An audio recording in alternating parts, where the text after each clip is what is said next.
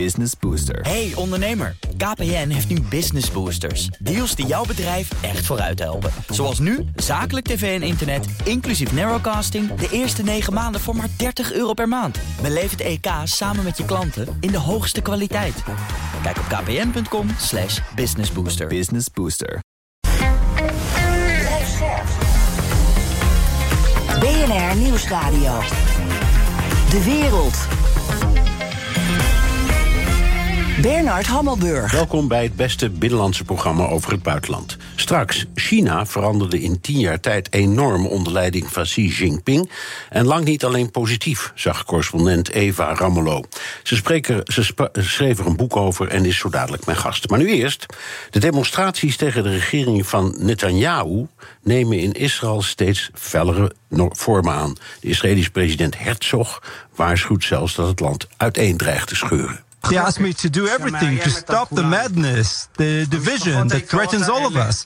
These dear families join the voices of millions from all sides of the political map that are asking for one thing not to step into a disaster before it divides us. Demonstranten hebben donderdag zelfs uitgeroepen tot Dag van het Verzet. Ik praat erover met Jan van Bentum, buitenlandcommentator van het Nederlands Dagblad. Dag Jan. Goedemiddag. De elite uh, in de luchtmacht wil niet uitdrukken. Um, El Al weigerde piloten te leveren voor de Boeing 777... waar Netanyahu graag mee naar Italië wilde vliegen. Uiteindelijk uh, gingen ze dan maar met een kleiner toestel, een 737. De academische ja, wereld staat op zijn achterste benen. Wat is er in vredesnaam aan de hand, Jan? Nou ja, je kunt wel bijna zeggen dat het gaat over de vraag: wat is Israël? Um, tenminste, zo, zo zeggen de demonstranten het. Die zien de voorgenomen wetswijzigingen over het Hoge Rechtshof en de bevoegdheid zeg maar, van de rechterlijke macht eh, tegenover de politieke macht. Dat zien zij als een aantasting van de, kern van de democratie. En dan komen ze venijnig tegen de opstand, al wekenlang. Die behoren tot de grootste demonstraties uit de geschiedenis van Israël. En het houdt maar niet op. Ook vandaag was er weer de dag van de ontwrichting. Uh, waarbij uh, bijvoorbeeld de weg naar het vliegveld van uh, bij Tel Aviv, het Ben, ben, ben Gurion ja. Airport, werd, geblok, werd geblokkeerd. Dus Netanyahu en zijn vrouw die naar Italië zouden gaan voor staatsbezoek, moesten met heli per helikopter van Jeruzalem naar het vliegveld worden gebracht. Um, de, de, Amerikaanse minister van Defensie, Austin, die daar net was geland om overleg te hebben over bijvoorbeeld wat doen we met Iran samen, uh, die kon ook niet makkelijk van het vliegveld afkomen. Um, het, zo, zo gaat ja, het maar ik, door. Ik, hè? Ik, ik, hoorde ook dat in Rome stond ook weer een enorme uh, groep Israëlische studenten, ja. Israëliërs klaar, om Netanyahu dan het het vervoer vanaf het vliegveld naar zijn bestemming, naar de premier, weer te bemoeilijken. Uh, ja. Het is allemaal niet niks. De, de, aanleiding, laten we daar even naar kijken, Jan. Um, de aanleiding was dat premier Netanyahu um, eind december een uh, coalitie heeft gevormd met twee partijen die als extreem rechts en ultra-orthodox worden beschouwd. Um, ja, vooral is extreem rechts. Ja, Want de orthodoxe partijen, eh, zoals bijvoorbeeld de Verenigde uh, Torah uh, ja. en Judaïsme heet dat, United Judaism Torah, uh, dat zijn de echte religieuze partijen. Dat is Ben Smotrich van de Nationaal Religieuze Partij is wel orthodox, maar niet in die mate. En Ben Kvier is vooral een knalharde ultranationalist. Ja, en uh, dat, dat zijn, ze, zijn, ze hebben extreme denkbeelden. Um, uh, er zitten nu twee, ik zal maar zeggen, partijleiders in een kabinet met een strafblad. Uh, wa, wat heeft, denk je, uh, de, de, de, de keuze door de kiezer, want het is een, in, in democratische ja. verkiezingen gebeurd. Wat heeft de kiezer tot deze keuze gebracht? Ja, dat is heel lastig te zeggen, maar uh, je ziet ook demografische veranderingen in Israël. Ik had net gisteren nog een gesprek met een Palestijnse delegatie hier in, in Nederland. Die zeggen ook van ja, dat, dat vredesproces waar we het nou, zo lang over hebben gehad, dat gaat steeds verder van ons weg. Want je ziet dat zeg maar, de, de meer rechtse en orthodoxe bevolkingsgroep in Israël groeit. En de meer liberale, en linkse en seculiere bevolkingsgroep die krimpt. Dus Israël beweegt zich naar rechts demografisch ook. Ja, maar dan maak je, wacht, is... jij maakte net terecht een onderscheid tussen, laten we zeggen, uh, orthodox en ultraconservatief. Dat hoeft niet hetzelfde te zijn, in elk geval politiek. Nee, absoluut niet. Maar hier, gaat, Nee, het, absoluut hier niet. gaat het toch samen, of zie ik het verkeerd? Eh, dat zie je wel verkeerd. In die zin van, je hebt natuurlijk binnen de orthodoxie zitten ook nog grote verschillen. Je hebt bijvoorbeeld orthodoxe Joden, wonen heel veel van in, in de Verenigde Staten bijvoorbeeld. Die zien een enorme afstand nu met dit Israël. Eh, dat, dat wordt ook steeds duidelijker. Je hebt 75 orthodoxe religieuze leiders gehad die twee weken geleden een brief hebben gestuurd aan de- het kabinet van ga hier niet meer door met deze hervorming. Want het land, de eenheid van ons land, is belangrijker. Eh, dus ook binnen de orthodoxie zitten best wel grote verschillen. Ja. Maar je hebt hier te maken met bijvoorbeeld Likud, de eigen partij van Netanyahu, is nationalistisch. Je hebt de Nationaal Religieus Zionistische Partij, die is, die is eh, vooral ook nationalistisch. En van Ben Smotrich, nu minister van Financiën. En dan heb je nog Joodse kracht van Ben Gvir. Dat is niet anders dan, eigenlijk niet anders dan een ultranationalistische partij met daarover een religieus sausje. Ja. En wacht Laat even, even zo uitdrukken. Hoe, hoe definieer jij nou nationalistisch of, of in die hoek? Dat is even belangrijk om. om, Ja, ook dat, Ja. ook, ook dat is nog een hele lastige. Kijk, want het ik bedoel, jij, jij en ik kunnen reuze nationalistisch zijn, maar daarmee zijn we niet antidemocratisch. Nee, nee en dat, ik bedoel, Zionistische partijen als, als Likud waren altijd democratisch. Tot ongeveer dit kabinet was Netanyahu ook iemand die zei dat de rechterlijke macht verdedigd moest worden. Nu eh, steunt hij dus zijn eigen minister van Justitie vanuit de Likud-partij. Maar ook deze twee anderen die die positie van het Hoogrechtshof met name willen aanpakken. Dus dat is al een verschil. Je hebt het Zionistisch nationalisme. Dat, dat ligt aan de kern van, van, van de staat Israël. Een eigen land voor het, voor het Joodse volk. Eh, met name op een etnische, culturele basis. Daar zijn religieuze componenten onderdeel van. Maar Israël was een seculiere staat. Het begon als een socialistische staat. Nu bijna 75 jaar geleden. En een van de eerste landen die het erkende was de Sovjet-Unie.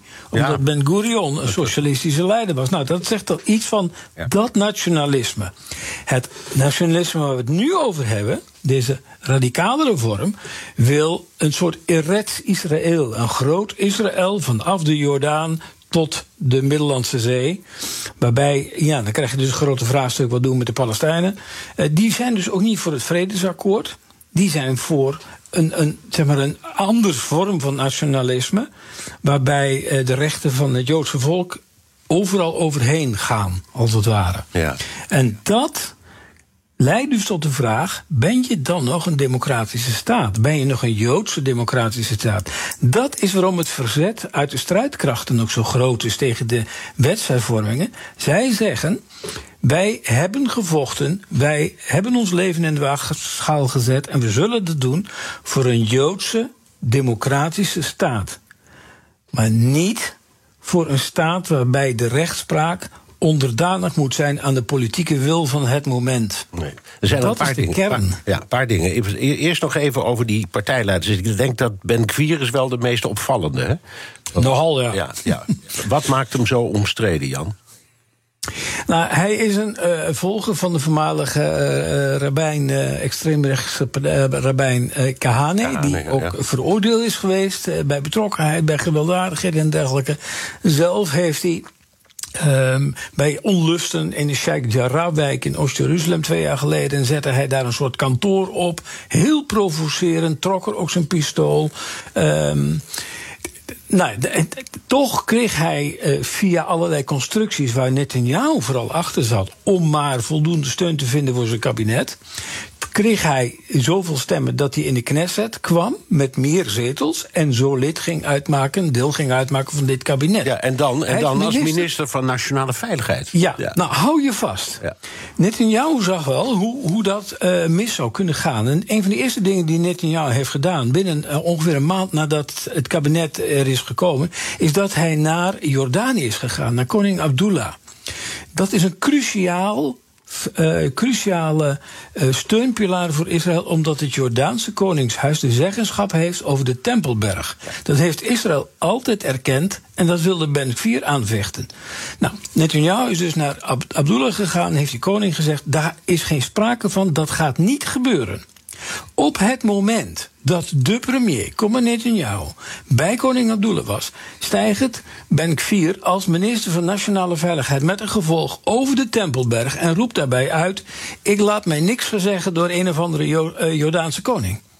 Ja. Dus jouw minister van Nationale Veiligheid, maak wat je daar net in, de of in Amman zit af te spreken met die koning gooit hij meteen te grabbel. Okay, wat, wat, zijn de verhoudingen? Het, het, het roept de vraag op, uh, even terug naar... Uh, er zijn een heleboel dingen die we niet kunnen beantwoorden misschien, want ja. Uh, maar zijn er nou niet mensen binnen Likud? Want je, ik zag bij die demonstraties trouwens ook Likud-leden meelopen. Dus ja. Is, is er nou niet iemand die in die partij zegt... Nou, Bibi, is, dit nu, is het nou niet mooi geweest? Ja, dat is al wel vaker gezegd. Omdat Bibi Netanyahu, Benjamin Netanyahu, is al langer in gevecht met de juridische macht. Want er lopen een aantal onrechtelijke onderzoeken tegen hem wegens vermeende corruptie. En hij probeerde daar al langer eh, eh, van weg te komen. Ja, maar dat begrijp ik. Voorstellen. Maar, maar zou die, want dat, dat wordt dan gezegd, zou die eh, de samenstelling of de, de, de werkwijze van het Hoge Rechtshof willen wijzigen, uitsluitend om zelf niet achter de tralies te komen? nou, dat is dat is misschien net een stap te ver, maar het is wel een belangrijke component van. Maar belangrijk is wat hiervoor al is gebeurd.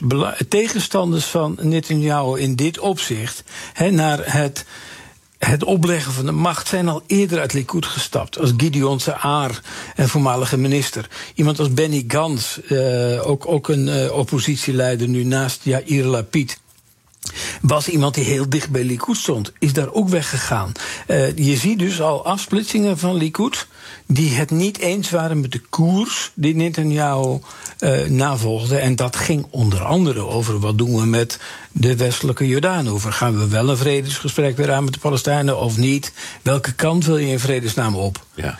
Uh, maar ja. Netanyahu verkocht zichzelf altijd als de man die de veiligheid van Israël overal op, op alle terreinen voorop stellen. Ja, ja, Gek is, dat nou, heeft ja, dat, de laatste verkiezingen niet gedaan. Nee, nee, maar dat is ja, wat, wat Bush 2 ook heeft gedaan na 9-11... waardoor die herverkozen is. Het is natuurlijk een hele mooie kaart om te spelen. En het is misschien ook voor een deel wel waar. Hè? Dat, dat maakt het ook lastig.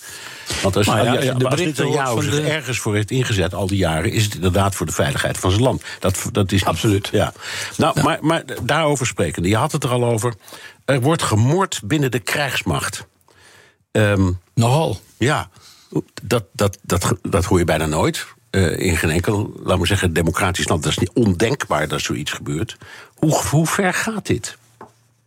Dit is wel vrij ongekend. Kijk, er, bijvoorbeeld, het gaat met name om reservisten. In, in, Israël is iedere uh, man en ook vrouw eigenlijk dienstplichtig tot en met zijn of haar veertigste jaar. En word je elk jaar, vooral de mannen, geacht weer op te komen voor een herhaling, een opfriscursus. Uh, nu, de laatsten die dat weigerden de afgelopen maandag, waren de, uh, de piloten van een elite-eenheid binnen de Israëlische luchtmacht. het is Squadron 62. Die zeiden wij gaan niet vliegen voor een dictatoriaal regime. Oeps, dat is nogal een naam voor je eigen regering. Ja. Dat is inmiddels bijgelegd na allerlei gesprekken, ook met de leiding van de luchtmacht. Ehm, en eh, het laatste bericht uit Israël is dat uh, de piloot die dit een beetje in gang had gezet, is ontslagen. Ehm, maar je zag al binnen de eenheid van de militaire inlichtingendienst, die doet het vuile werk achter de fronten. En nog vandaag weer een, een clash in Jenin, waarbij drie doden zijn gevallen. Maar uh, ook een behind the lines uh, operatie was om terroristen van de islamitische jihad uit te schakelen. Ook daarvan hebben reservisten gezegd: hier, voor dit regime, als dit zo doorgaat, gaan wij ons leven niet meer inzetten. Dat zit heel diep. Ja. Dit is BNN Wereld. Mijn gast is Jan van Bentum, buitenlandcommentator van het Nederlands Dagblad. We have one city and we had a war in 1948. 2,000 Jews were displaced, 20 to 30,000 Palestinians were displaced. The Jews may recover their property, the Palestinians may not. Zeg je Israël, dan zeg je natuurlijk ook de Palestijnse gebieden. Je had het al over, Jan. Hier zegt een Israëlische advocaat dat de Palestijnen oneerlijk worden behandeld. Uh, jij zei het al, je had uh, contact e-, eerder deze week met een afvaardiging van Palestijnen. Wat is nu hun analyse? Hoe ervaren zij dit? Want ook, ook binnen hun kringen zijn natuurlijk enorme verdeeldheid. Dus vertel. Ja. Nou, je ziet daar een, een generatieverschil ontstaan. Ik sprak vooral met jonge Palestijnen en die hebben een heel andere taal dan de, zeg maar, de, de vredesactivisten die tot nu toe vaak ontmoette, ook op de westelijke Jordaanhoever zelf. Die hadden nog zoiets van, ja, die Oslo-akkoorden, uiteindelijk is dat wel de basis waarop we verder moeten. Deze jongere Palestijnen zeggen van nee, Israël misbruikt de akkoorden en het hele verhaal alleen maar om, om steeds verder op te rukken. We moeten naar een totaal andere aanpak. Zij geloven er helemaal niet meer in. Dus dat is al, dat is al een element. Maar dat kan niet, ehm, dat kan niet alleen maar komen door dit nieuwe kabinet. Nou, er is wel een belangrijke factor bij. Het begon al onder het vorige kabinet van Bennett, Naftali Bennett. Die zat er net voordat Jair Lapid het premierschap overnam. En uh, die heeft al een wetswijziging uh, ingediend, die ook, ook feit is geworden nu. Dat wanneer Israëlische autoriteiten zeggen dat ze bepaalde Palestijnse gebieden willen onteigenen. En dat dan, omdat dat dan niet van Palestijnen zou zijn. En dat de eigendomspapieren vanuit de Turkse tijd niet waren gelegitimeerd enzovoorts. Um, dan kon je dat altijd nog aanvechten op juridische manier. Tot en met het Israëlische Hoge Rechtshof toe. Dat wordt uh, door bijvoorbeeld een uh, advocatencollectief in Jeruzalem werd gezegd van wij verkopen hoop en wij kopen, op die manier dus, met de juridische procedures, wij kopen tijd. Maar dat is van tafel geveegd. De onteigening, ontruiming mag al beginnen nu tijdens de gerechtelijke procedures. Ja. Nou, dat is zo'n shift in aanpak dat er ook van de andere kant daar wel reactie op komt. Ja, um, de, de, vraag moet ook gesteld. Het, het, verwijt wordt vaak aan Israël gemaakt dat het een apartheidstaat is of aan het worden is en de mensenrechten mhm. schendt. Uh, hoe sta jij daar tegenover? Je kunt op dit moment, Israël is nog steeds een democratie. Stel dat er verkiezingen zijn, dan kan Netanyahu weggestemd worden, kan Ben 4 weggestemd worden, kan Ben Smotrich eh, weggestemd worden. Um, dat kun je nog niet als een apartheidsregime beschouwen, want binnen de grenzen van Israël, zoals die eh, gelden, zeg maar, dus tot de, tot de muur toe, eh, de afscheiding toe, en zelfs in de nederzettingen, geldt algemeen stemrecht voor iedereen. Dus ook de Israëlische Arabieren, of als je wilt zeggen, de Israëlische Palestijnen. Het geldt dus niet voor de westelijke Jordaan, of voor de Palestijnen daar. Maar die zijn nog onder militair gezag. Dat is volgens de conventies van Genève over het oorlogsrecht. Op het moment dat je daar een burgerlijk bestuur neerzet. en dus eigenlijk het gaat behandelen alsof het jouw land is. alsof je het annexeert. dan moet je of die mensen daar ook gelijke rechten geven. of je maakt er tweederangs burgers van. En dan ga je richting wat ook een feit was in de apartheid. Al is dat dan uh, meer op politieke dan op uh, racistische gronden zoals het daar was. Ja. Nou, even de, maar nu kun, je dat, nu kun je dat nog niet zeggen. Nee. Die jonge Palestijnen hebben het er wel over. Die noemen we bijvoorbeeld de muur in Jeruzalem ronduit de apartheidsmuur. En als je voor dat blok beton van 8 tot 12 meter hoog staat, dan heb je dat het is, inderdaad een, het is inderdaad een kolossale gevaarte. Ja. Het is een verschrikkelijk ding. Ja. Maar goed, de Israëliërs zeggen altijd: het helpt wel. En dat, uh, het, het, hielp ook echt. Eh, meer dan 90% van de zelfmoordaanslagen werd, uh, in die gebieden. het verminderde met meer dan 90% zeg maar, na de bouw van die muur. Nou, is er, je had het er al even over, maar er is onder leiding van Amerika, Egypte en Jordanië. een, een soort mini-top geweest in Aqaba. met Israël en de Palestijnse mhm. autoriteit. En daar is afgesproken in ieder geval die, die bouwplannen op de Westbank. met vier maanden uit te stellen. En er komt binnenkort weer zo'n top in Sharm el-Sheikh. Zien wij hier, Jan, op de achtergrond Biden de regie nemen om die nieuwe kolonisatieplannen in de ijskast te krijgen? Nou, die neemt de regie niet toe. Die, die doet niet anders dan dat proberen. de, bij die top waren dus de Palestijnen en de Israëli's aanwezig. De veiligheidstop, zeg maar. Dat was al een unicum. Dat was in jaren niet meer voorgekomen. Uh, Jordanië was erbij. Egypte was erbij. En de Verenigde Staten waren erbij. Dus dat, dat was een heel belangrijk punt. Maar Kijk, de, de, verklaring die na afloop kwam van er wordt vier maanden uh, wordt de uitbreiding van de nederzettingen bevroren, die werd meteen door Netanyahu tegengesproken. Het ging om uh, het vestigen van nieuwe nederzettingen, zei hij. Dus de geplande uitbreiding van bestaande nederzettingen zou gewoon doorgaan. Nou, dan zie je die, die vreselijke verdeeldheid al direct terugkomen. Maar ja, Biden wil heel erg graag dat Netanyahu stopt met het uitbreiden van nederzettingen. Dat zegt overigens ook praktisch iedere uh, Amerikaanse regering, tot en met die van George W. Bush toe. Obama heeft er gezegd. Trump heeft het uh, niet zo hard gezegd. Maar die kwam ook met het uh, plan van de Vision for Peace. Waarin er ook sprake was van nou ja, een soort uitruil van gebieden. Waarbij de Palestijnen dus in het zuiden en ook in het noorden Israëlische gebieden zouden krijgen. Ja. Met andere woorden. Dan krijg je een soort. En, een, een soort de grens zou dan een soort S-bocht worden. Ja, en, en, het, het, gekke is, en dat hebben heel veel mensen niet gezien, dat op het terrein van Jeruzalem Trump zelfs een hele stap terug deed. In 1995 heeft het Amerikaanse congres al besloten dat Jeruzalem de onverdeelde hoofdstad van Israël zou zijn. En dat de Amerikaanse ambassade daar naartoe moest verhuizen. Nou, dat heeft iedere uh, president tot Trump toe uh, altijd weten uit te stellen met de beroep op uh, ja, dat zorgt voor onrust en onveiligheid. Ja, ze zeiden ook dat doen we pas in het ja. kader van een, van een regeling, van een ja. algehele regeling. Ja. Nou, Trump heeft dat wel gedaan, maar heeft erbij gezegd: um, dit wil niet zeggen dat de grenzen naar Jeruzalem bepaald worden, dat kan alleen in onderling overleg. Met andere woorden, hij zei niet dat Jeruzalem de onverdeelde hoofdstad van Israël was. Nee. En dat, die, stap, die stap terug heeft eigenlijk niemand opgemerkt. Um, iedereen kijkt hier met grote zorg naar. Dat kan bijna niet anders. Het is ook nog nooit voorgekomen, zei zo zei al, die, die massale demonstraties. Um, Denk je dat het de demonstranten, om het maar simpel te houden, lukt om voldoende twijfel in dit kabinet te zaaien dat ze een paar stapjes terug doen? Of als je kijkt naar de, ja. de agenda van de Knesset, waar al heel veel is goedgekeurd, zijn we daar al te laat voor? Nou, nee. Er zijn tekenen dat er wel degelijk wat gebeurt. Bijvoorbeeld Ben Smotrich, waar ik het over had, minister van Financiën, is al eerder minister geweest. En is van de twee meest radicale typetjes, de, zeg maar de minder radicale. Ben 4 is veel erger. Uh, ben uh, had uh, een, een, week geleden, na, dat, na die aanslag in Gouara, dat die Palestijnse stadje op de westelijke Jordaanoever, daar werden twee Joodse kolonisten bij gedood.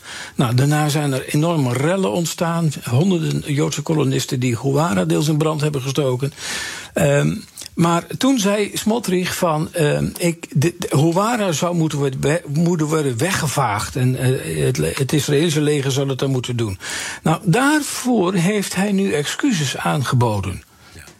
Dat dus... was vanmorgen vroeg het nieuws in Israël van Ben Smotrich heeft uitvoerig excuses aangeboden voor deze, wat hij noemde, disproportionele uitspraak. Nee, dit zo moet de aanpak niet zijn. Het is een behoorlijke stap ja, terug. Ik zou zeggen, Jan, een, uh, een lichtpuntje en een prachtig moment om jou te bedanken.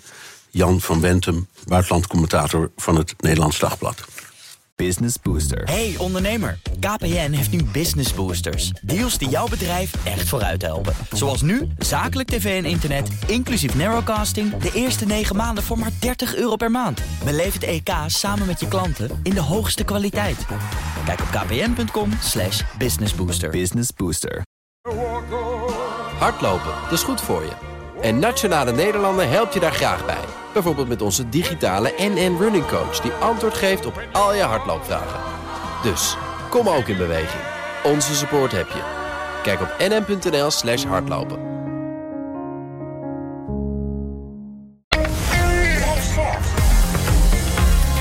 BNR Nieuwsradio. De wereld. Bernard Hammelburg. Zo nu en dan duikt de discussie weer op. Wel of geen gevechtsvliegtuigen naar Oekraïne. We stand ready to provide uh, those uh, planes. And I'm sure that Ukraine would be ready to use those planes instantly... because Ukraine has got pilots uh, able to operate these machines right now. Dat was de, dat was de Poolse president Duda bij CNN. Europa-verslaggever Geert-Jan Haan, welkom. Dag Bernard. Waar, waar, waar had Duda het nou over? Nou, dat jij door had dat het Duda had, dat vond ik al heel knap. Want de tolk zat er knap irritant uh, overheen te praten op topsnelheid. Zoals dat bij CNN af en toe gaat. Uh, Duda die zegt dat Polen MiG-29's klaar heeft staan om door te schuiven naar Oekraïne. Polen heeft zelf flink wat F-16's in het arsenaal. Dus die oude Sovjet-toestellen die zijn overbodig. Ze zijn overigens niet slecht, zoals jij ook regelmatig uh, benadrukt. Nee, die F-16's zijn ook niet zoveel jonger, maar goed. Ik, ik, zeg er wel bij, Polen zegt dit vaker, dat ze vliegtuigen willen doorschuiven, maar zeggen dan ook, eigenlijk willen we wel een soort van toestemming van onze grote vriend Amerika. Ja. Um, tegelijkertijd is er een ander land dat een maand lang geleden aangaf... ook graag oude Sovjet-toestellen naar Oekraïne te willen doorschuiven. Dat is Slowakije. Daar horen we niks meer van. En jij was daar uh, vorige week nog. Hoe staat het daarmee? Ja, ik denk dat het interessant is om dit eens uit te leggen aan de luisteraar. Want het gaat vaak over wel of geen straaljagers naar Oekraïne. En dan roept Wopke Hoekstra wat en dan denken we het is of ja of nee. Maar als je naar Slowakije kijkt, ja, dan is niks wat het lijkt, Bernard. Eh, het was het nieuws van deze week dat Polen zei... we zijn er klaar voor om samen met Slowakije die straaljagers te leveren. Dat hebben we in Zweden op een EU-bijeenkomst eh, uitgesproken en afgesproken. Nou, Slovaakse minister van Defensie ook enthousiast. Die zegt, wij hebben ook elf van die mix, die zijn overbodig. We geven er tien van aan Oekraïne en eentje willen we in ons museum bewaren hè, voor, uh, voor het nageslacht. Maar ja, we kunnen eigenlijk aannemen dat dit voorlopig vanuit Slovaakse kant niet gaat gebeuren. En waarom niet? Heeft te maken met. Nou, laat ik zeggen waar het niet mee te maken heeft. Niet met dat ze vervangende straaljagers uit westerse landen willen, want die zijn al bij Amerika besteld. Het heeft ook niet te maken met geld, want Slowakije kan het bonnetje van die uh, straaljagers nog steeds inleveren bij het goedgevulde Europese Vredesfonds voor declaratie van wapens. Het heeft puur en alleen te maken met interne politiek. Een maand geleden heeft premier Eduard Heger aan Zelensky beloofd: ik haal alles uit de kast voor gevechtsvliegtuigen. Ik heb alleen maar een handjevol problemen. Bijvoorbeeld, ik heb een demissionair kabinet. Grote discussie is er nu in Slowakije over of een demissionair kabinet zo'n grote beslissing kan en mag nemen. In principe, zoals ook in Nederland, gaan demissionaire kabinetten over lopende zaken. Ja. En, en dit is typisch een missionaire zaak, zou je zeggen, en geen demissionaire zaak. Dan heb je in Slowakije nog een president, die kun je om toestemming vragen om uh, in dit geval uh, zich uit te spreken. Het is uh, mevrouw Chaputova. Maar juristen zijn er niet over uit of dit hiervoor geldt. Want in Slowakije um, kun je de president raadplegen bij een buitenlandse beslissing van belang. Maar de grondwet geeft geen definitie daarvan. Dus is deze zaak van belang of niet? En ook in het geval van Slowakije. Dan moet je dus eigenlijk het constitutioneel hof om advies vragen. Maar dat duurt maanden. Dat geduld heeft een aantal politici niet. En dan zou je ook nog de grondwet kunnen aanpassen. Maar dan heb je twee derde meerderheid nodig. En dat wordt al helemaal als een opgave gezien. Kortom, de huidige premier en minister van Defensie die willen iets. Maar het zit allemaal muurvast. Ja. Uh, wat was überhaupt jouw indruk van Slowakije als we het hebben over de oorlog in Oekraïne? Dat men er best dubbel in staat. Het is een land van 5 miljoen inwoners. Er uh, worden 100.000 Oekraïners nu opgevangen. Dus toch een toename van, uh, van 5% als je kijkt naar de bevolking. Um, er is op zich wel draagvlak voor steun aan Oekraïne, maar dat heeft meer met het verleden te maken, vertelt ook, uh, vertelt ook ambassadeur Gabriele Sanchisi. Met name in die eerste maanden na de uh, Russische invasie van Oekraïne voel je hier dat mensen, uh, met name de, de oudere generatie, zich nog heel goed herinneren hoe dat was in 1968. Toen hier de Russische tanks binnenkwamen rollen. En, en dat brengt dus herinneringen boven, inderdaad angst um, en, en, en zorgen over de toekomst. Ik zou zeggen dat het inmiddels dat, dat die directe angst minder is geworden. Maar toch, aan die angst wordt wel geappelleerd door een aantal politieke partijen, Bernard. Want er komen verkiezingen aan en de Slovaakse politiek is verdeeld. Dus je hebt Ruslandgezinde partijen die zeggen: Nou, we geven helemaal niks aan, uh, aan Oekraïne. En je hebt partijen die zeggen: Nou ja, um, we willen wel wat geven, maar alleen als anderen dat eerst doen. Kortom, die hebben een bepaalde, bepaalde angst voor de Russische beer. Heeft ook te maken met de Slovaakse economie, die best afhankelijk is van Rusland. Ja, goed, maar Duitsland zegt ook: wij willen wel tanks leveren, maar moet Amerika eerst. Precies. Ja. Dat is dus een, een bekende uh, reflex.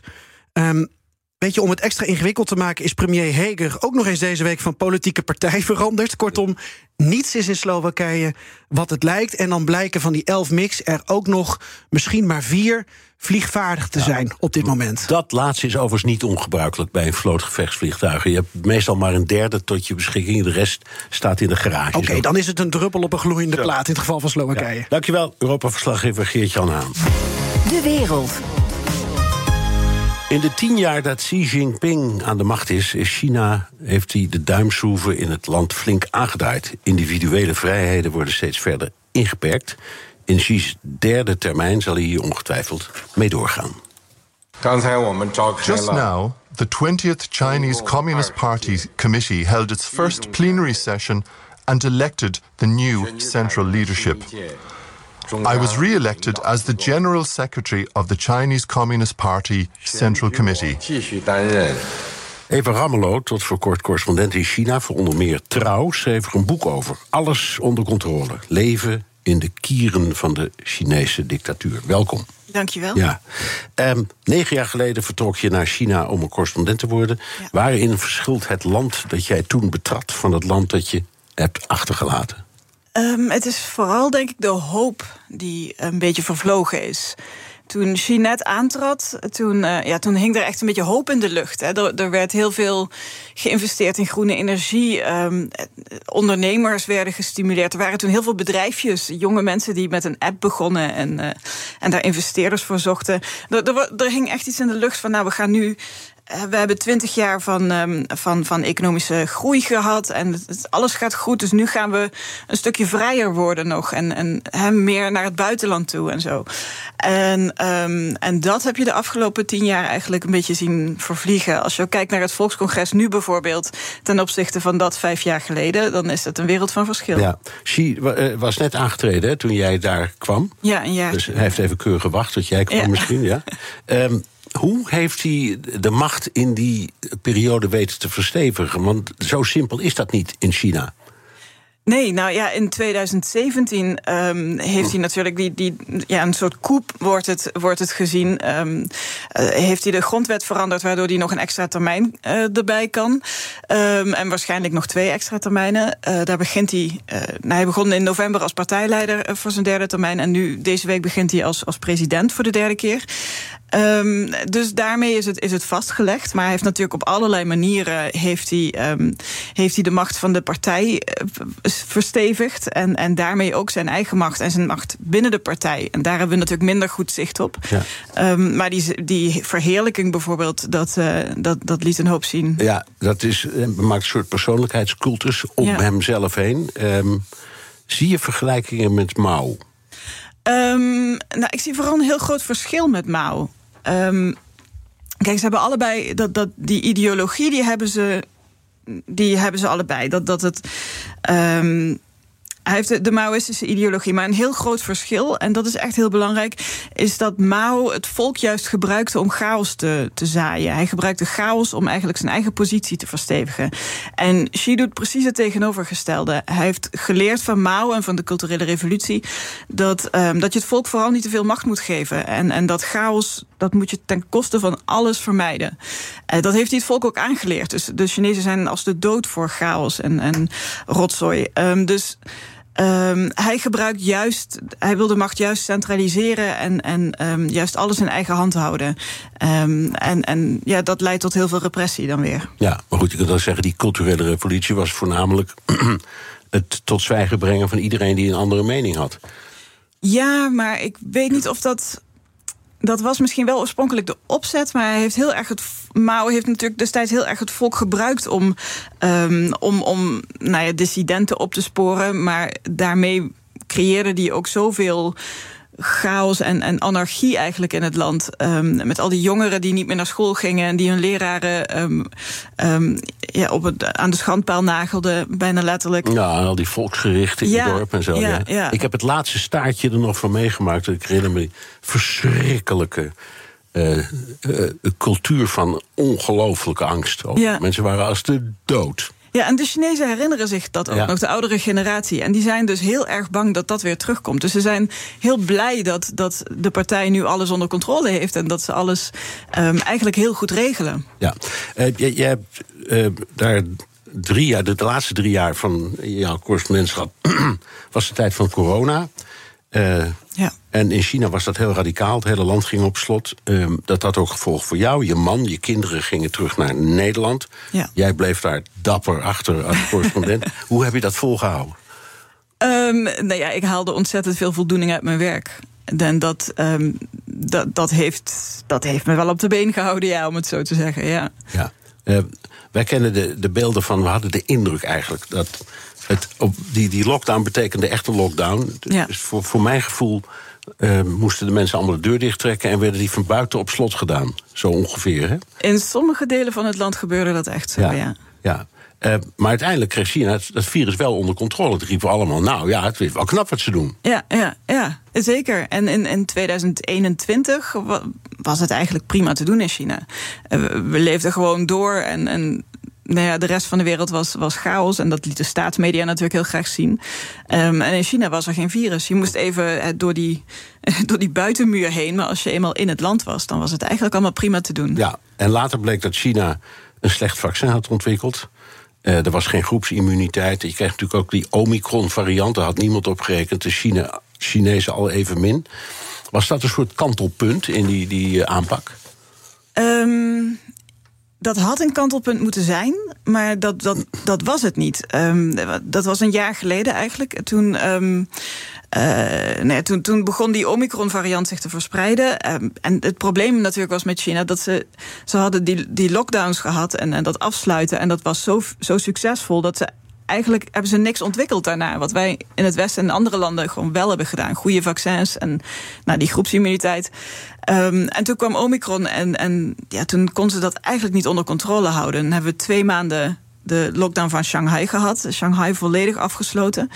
En toen had de overheid kunnen zeggen, de regering kunnen zeggen van nou ja, misschien kunnen we nu langzaam opengaan of iets doen, iets veranderen in de tactiek. Daar was het het moment voor. Dat hebben ze niet gedaan. Nee. En toen is eigenlijk de rest van het jaar is die spanning verder opgelopen. En, en, toen gebeurde iets wat je niet erg snel met China ziet, namelijk protesten na, na, een brand in een flat.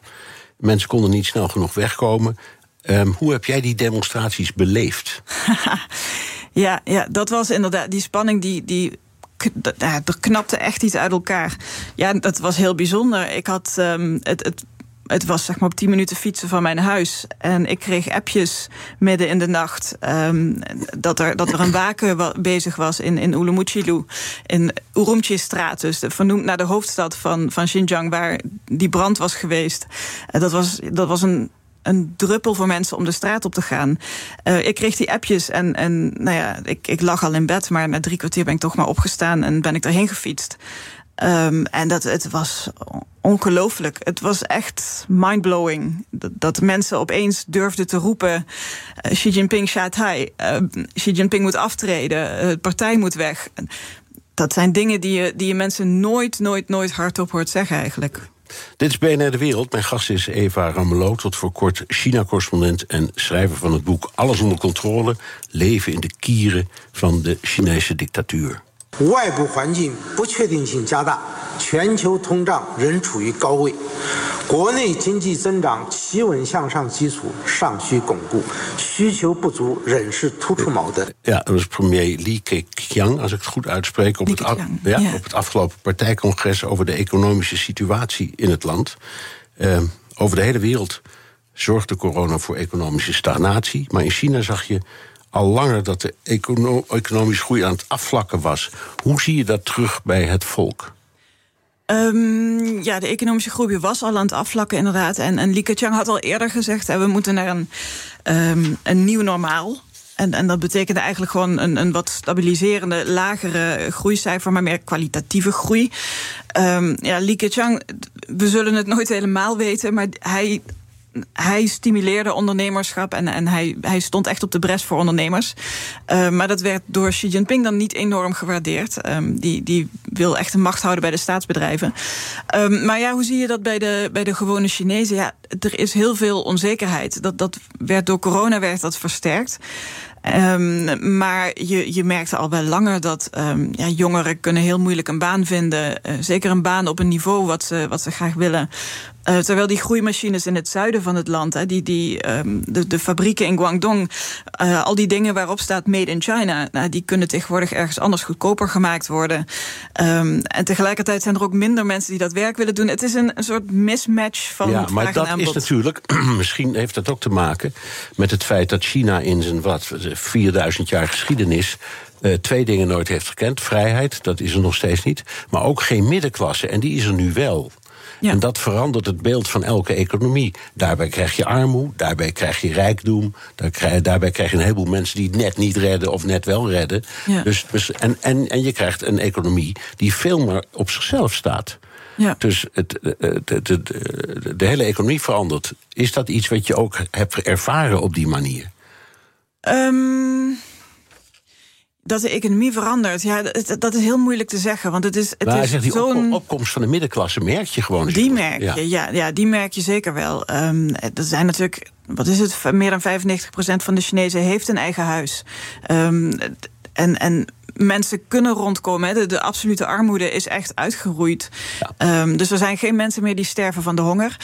Tegelijkertijd is er natuurlijk een enorme kloof tussen mensen die inderdaad het net redden, die ja, net niet sterven van de honger, bij wijze van spreken. En de mensen in Shanghai en, en in Beijing en in Shenzhen, die, die gewoon uh, vijf huizen hebben en, en niet kijken op een, uh, op een RB minder. Ja, ja. ja. Nee, ik heb in, in, in Peking een keer het dealership van Bentley bezocht. Dat zit daar, ik weet of het er nog zit, weet ik niet. En dat was toen het grootste verkooppunt van Bentleys in de hele wereld.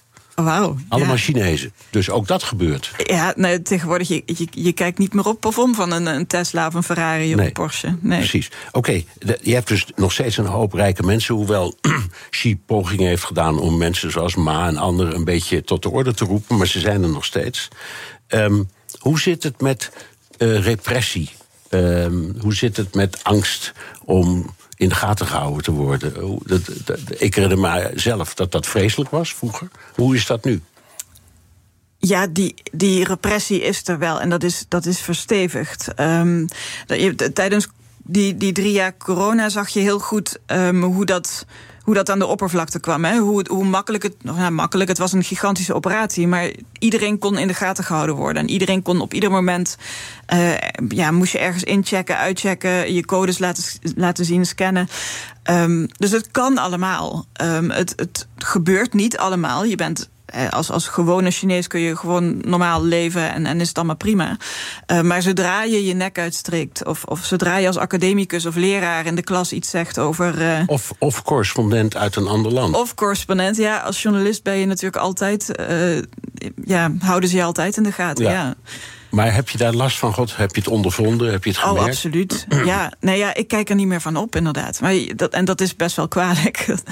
dat je, ja, je wordt altijd opgewacht door de politie ergens. Um, ze weten op de een of andere manier altijd waar je bent. Uh, ze intimideren nou, mij, maar vooral ook de mensen met wie ik spreek.